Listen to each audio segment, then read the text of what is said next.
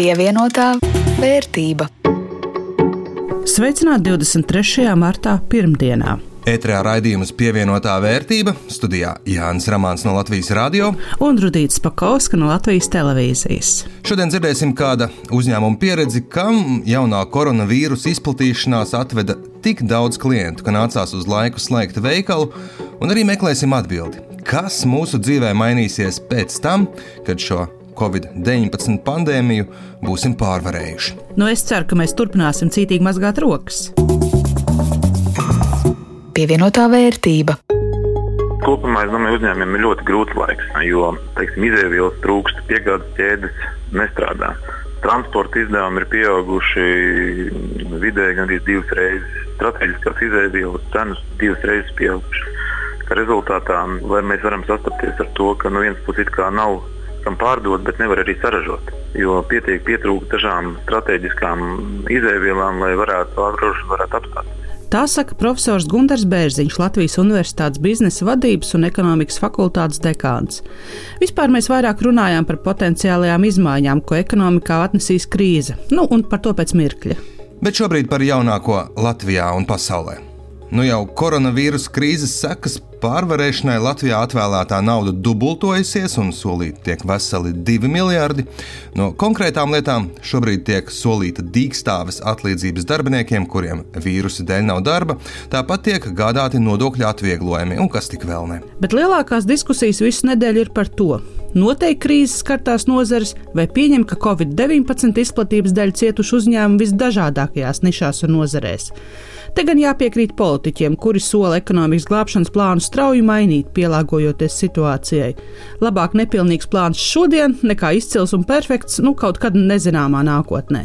Vēl Latvijā nomainās ekonomikas ministrs, jo iepriekšējais palika bez pielaides valsts noslēpumam, bet lielākā banka Latvijā, Svetbanka par pagātnes grēciņiem, nepienācīgi uzraugot netīrās naudas atmazgāšanu, Zviedrijā tiek pie 360 miljonu eiro soda. Tas tā, starp citu. Laikam jau fakts, ka jauns ekonomikas ministrs un daudzsimt miljonu sods bankā ir tā, nu, starp citu, parāda to, cik ļoti situācija Latvijā un pasaulē šobrīd ir tālu no normālās ikdienas. Pirmā mūsu reakcija bija, mēs nolēmām laikam vienu no pirmajiem aizvērt savus veikalus, jo jutām, ka pieprasījums pēc galda spēlēm, labi, galda spēles nav griķi un tolas papīrs, bet pieprasījums pēc galda spēlēm būtiski pieauga. Un tas cilvēku apjoms mūsu veikalos arī pieauga. Tā saka Egils Grasmanis, Brain Games publishing vadītājs. Pēc pāris dienām slēgtie galda spēļu veikali atkal tika atvērti, bet ar jau jauniem drošības pasākumiem pieņemti tiek tikai bezskaidrs naudas norēķina, veikalā jāievēro distance un apkalpots vienlaikus tiek tikai viens klients. Bet, ja citām nozarēm pieprasījums ir zudis, tad vismaz galda spēles laikā, kad liela daļa cilvēku piespiedu vai brīvprātīgā kārtā laiku pavadīja mājās, galda spēles ir visai pieprasīts produkts. Tas pieprasījums ir pieaudzis. Mums Tas nekas neatliek, kā mēģināt to visu nodrošināt. Jo, nu, galda spēles ir, nu, nu savā ziņā šī ir tāda iespēja cilvēkiem un ģimenēm vairāk iepazīt galda spēles. Bet ir Viena spēle, kur no veikala plauktiem pazuda tikpat ātri kā pirmās ārkārtējās situācijas dienās no lielveikala plauktiem griķi un tolets papīrs. Spēle pandēmija, diemžēl, ir deficīts. Mums tikai palikuši, nu, respektīvi, Igaunijā viņš vēl nav deficīts. Igaunijas versija mums vēl ir, bet uh, Latvijas un Lietuvas versijas ir izpirktas, uh, bet uh, jau ir ceļā un uh, aprīļa beigās vajadzētu būt uh, atpakaļ. Jā. Bet kamēr pati spēle pandēmija, kas ļauj draugu komandām glābt glābt pasauli, cīnoties no pret dažādām agresīvām infekcijas slimībām, pircējiem ir jāpagaida pašam uzņēmumam. Šis ir laiks tuvāk iepazīt citus biznesus un arī pārdošanas modeļus. Piespiedu kārtā ir licis mums skatīties uz citiem veidiem, konkrētajā gadījumā būt daudz aktīvākiem interneta vidē. Mēs esam atraduši iespējas sniegt konsultācijas interneta vidē. Mēs meklējam ar vien sakarīgāks risinājums, kā mūsu produktus nogādāt ātrāk, efektīvāk efektīvāk līdz gala patērētājiem. Braingames ir spēļu veikali visās trijās Baltijas valstīs, un ārkārtas situācijā jārisina arī tas, kā katra valsts ar jauno koronavīrus pandēmiju cīnās, un katra to dara mazliet atšķirīgi. Tam jāpielāgojas. Šobrīd aktuālākais ir tas, ka Lietuvā teiksim, mums ir uh, seši veikali un visi ir tirsniecības centros. Lietuvā tirsniecības centri ir cieti. Tas mums laikam aktuālākā tāda problēma atrisināt Lietuvas šo preču ceļu līdz uh, patērētājiem. Egils Grasmans darbojas arī spēļu izstrādātāju asociācijā, kur apvienojušies ne tikai galda, bet arī video un mobilo spēļu izstrādātāji. Un ar šīm spēļu biznesa nišām klājoties visai labi, kā saka Grasmans, visam, kas bāzēts tiešsaistē, šo krīzi pārvarēt ir daudz vieglāk. Runājot par spēlēm, jā, es domāju, ka tām arī tagad pieprasījums pieaugs diezgan spēcīgi. Un arī radošiem prātiem, kas izstrādā gan mobilās video spēles, gan varbūt arī galda spēles, nu, jā, būs vairāk laika radoši pieiet. Vispār es domāju, ka tas ļoti pavērs to radošo, ka cilvēki bišķiņi apstāsies un varbūt padomās e, vairāk, e, nu jā, tad, nu, piespiedu kārtā esam izmesti no tā ikdienas e, rutīnas riteņa, bet tas bieži vien paver eh, ļoti daudz eh, jaunu iespēju. Pievienotā vērtība. No rutīnas riteņa tiešām esam izmesti, bet vēsturiski dažādas krīzes un melnie gulbi ir bijuši tie, kas mainījuši sabiedrību un ekonomiku, bieži vien līdz pat nepazīšanai. Nu, ne jau velti pat vidusskolu grāmatās ir stāsts par mēra epidēmiju Eiropā, kas līdz nepazīšanai izmainīja varas attiecības starp strādājušiem zemniekiem un, nu tā teikt, darba devējiem, zemes un kapitāla īpašniekiem. Un nevajag nemaz tik senā pagātnē meklēt piemērus. Vācijā hiperinflācija bija nu jau gandrīz pirms simts gadiem, bet valūtas stabilitāte Eiropā joprojām Vācijas pārstāvja galvenā rūpa un bažas. Nemaz nerunāsim par pēdējo finanšu krīzi 2008. gadā, kas daudziem no mums uz ilgiem, jo ilgiem laikiem sabojāja garšu kredītu ņemšanai un padarīja mūs mazliet gudrākus finanšu pratībā. Bet kādas ilgtermiņa sekas šī Covid-19 krīze varētu atstāt? Pirmais ir samērā acīm redzams kad uh, viss notiek digitāli, digitāli, viss pāriet uz digitāli. Mēs strādājam virtuālās komandās. Un kad mēs strādājam attālināti. Visi, ka uzņēmumiem ir jābūt eh, spējīgiem pārorientēties un nodrošināt tādu vai līdzīgu veidu preci vai pakalpojumu attālinātā veidā. Ļoti, ļoti daudz lietas var izdarīt attālināti, var izdarīt digitāli. Nu, piemēram, attālināta mācīšanās, attālināta iepirkšanās, attālināta strādāšana. Bet strādāšana attālināti, darbs ar klientiem attālināti nenozīmē tikai īsāku laiku, ko darbinieki pavada ceļā. Tas nozīmē arī potenciāli izmaiņas sabiedriskā transporta uzņēmumiem, izmaiņas biroja telpu tirgu, izmaiņas tajā, ko cilvēki sagaidīs no saviem mājokļiem, izmaiņas tiem, kas veido dažādas uzņēmuma datorprogrammas, izmaiņas darba kafejnīcām. Personāla vadībai un uzņēmuma iekšējās drošības dienestiem būs jādomā, kā risināt problēmas, ko rada darbinieks, kurš neatrodas uzņēmuma telpās un kur vispār ir uzņēmuma telpas. To, ka uzņēmumiem būs jāmaina iekšējie procesi, uzsver arī Signa Bāliņa, likta prezidente. Duālajā vidē, šajā attālinātajā vidē, kā mēs varam īstenībā nu, pārvaldīt procesus, pārvaldīt biznesu, pārvaldīt cilvēkus. Un es domāju, ka tur būs ļoti daudz mācības un faktiski būs ļoti, teiksim, šīs vadības un pārvaldības mehānismi, viņi būs arī ļoti, ļoti dabas lietas, kas ļoti mainīsies. Turklāt pieaug tehnoloģiskie riski, jo esam kļuvuši vēl atkarīgāk no interneta un tehnoloģijām. Jo ja mums tagad pazūd internets, ja mums pazūd balss telefonija, teiksim, mobīlie sakari, nu, tad gan mēs esam problēmā, ja tad mums vairāk nav šī savstarpējā komunikācijas iespēja. Ja raugāmies plašākā perspektīvā, Latvijas Universitātes ekonomikas vadības un biznesa fakultātes dekāns profesors Gundars Bērziņš saka, ka viņa prāt ir divi tālākie notikumu attīstības scenāriji.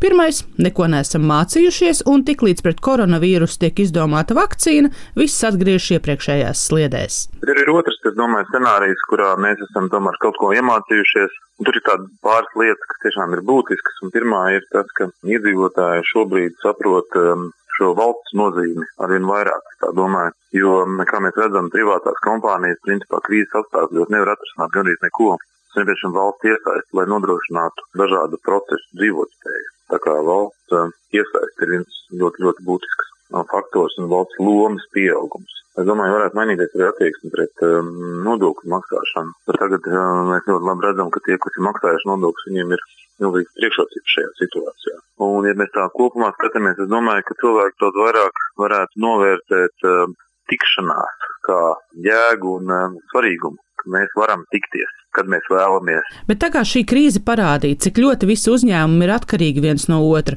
un kā problēmas vienā vietā var ietekmēt daudzus, jautāja profesoram, vai varam gaidīt, ka pēc šīs korona krīzes uzņēmumi vairs nepaļausies uz izēvielu un citu lietu piegādēm tieši laikā.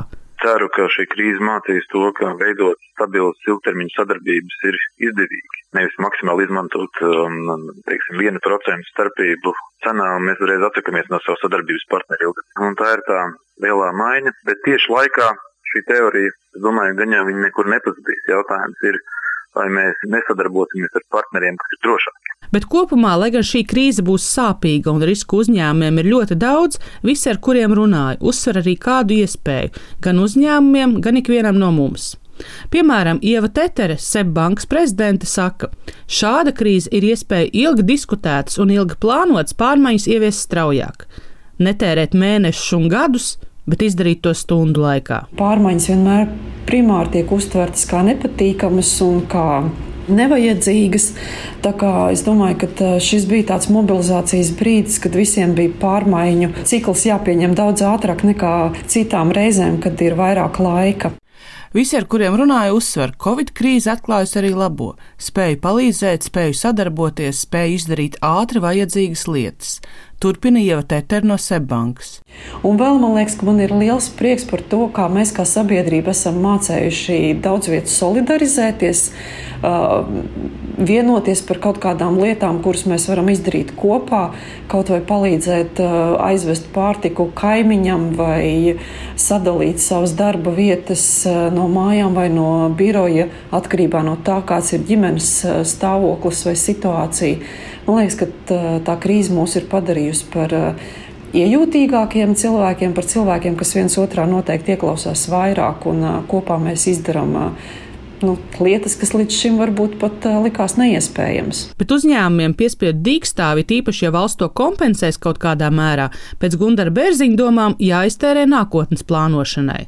Piespiedu kārtā ir dots laiks padomāt par nākotnes attīstības uh, strateģiskiem virzieniem. Jo ļoti bieži ikdienā ir situācija tāda, ka nav laika, mums jārisina ikdienas problēmas. Un nav laika domāt par ilgtermiņa attīstības mērķiem, kā labāk rīkoties šādā situācijā, kāda ir izveidota. Šobrīd mums ir piespiedu kārtā uzņēmumiem dots laiks izdomāt nākotnes rīcības stratēģijas. Un vēlreiz, ka tie, kuri to būs izdarījuši, tiem būs lielākā priekšrocība. Jaunu uzņēmumu vidas entuziasta un tehnoloģiju un inovāciju portāla Magnetika Latvija, Lapsef Latvija redaktora Ieva Treja iesaka to pašu darīt arī darbiniekiem. Piemēram, viņi ir nu, atlaisti no darba vai šobrīd viņi ir uh, spiesti nestrādāt, jo vienkārši netiek piedāvāts uh, pakalpojums vai produkts. Un šis ir laiks, kad mājās sēžot var mācīties un plānot tālāko. Turklāt, lai atbalstītu sabiedrību krīzes situācijā, bez maksas savus kursus piedāvā daudzas, jo daudzas ļoti prestižas augstskolas. Skatījos, tur bija gan Harvard universitāte, gan Jēlas universitāte. Nu, tas ir pasaules top augstskolas, kur liela daļa cilvēku nevarētu ne tikt, neatļauties tur būt. Bet šobrīd tas viss ir bez maksas online, un tā ir fantastiska iespēja kaut ko jaunu apgūt un pēc tam to izmantot, lai tiešām atspērtos pēc tās krīzes. Un ar šo ierosinājumu izmantot piespiedu dīkstāvi, lai sagatavotu augstu nākotnē, izskan arī šīs nedēļas raidījums pievienotā vērtība. Ar jums kopā bija Rudīts Pakausks no Latvijas televīzijas. Un Jānis Ramāns no Latvijas radio par raidījumu skanējumu rūpējās Renārs Štēmans un piebildīšu, ka raidījums tapis jau pilnīgi visiem iesaistītajiem strādājot attālināti, šoreiz katram savā Latvijas malā. Tiekamies pēc nedēļas un atgādinu, ar mums var sazināties arī e-pastā pievienotā punkts vērtība pie Latvijas radio.lv. Uz drīz tikšanos!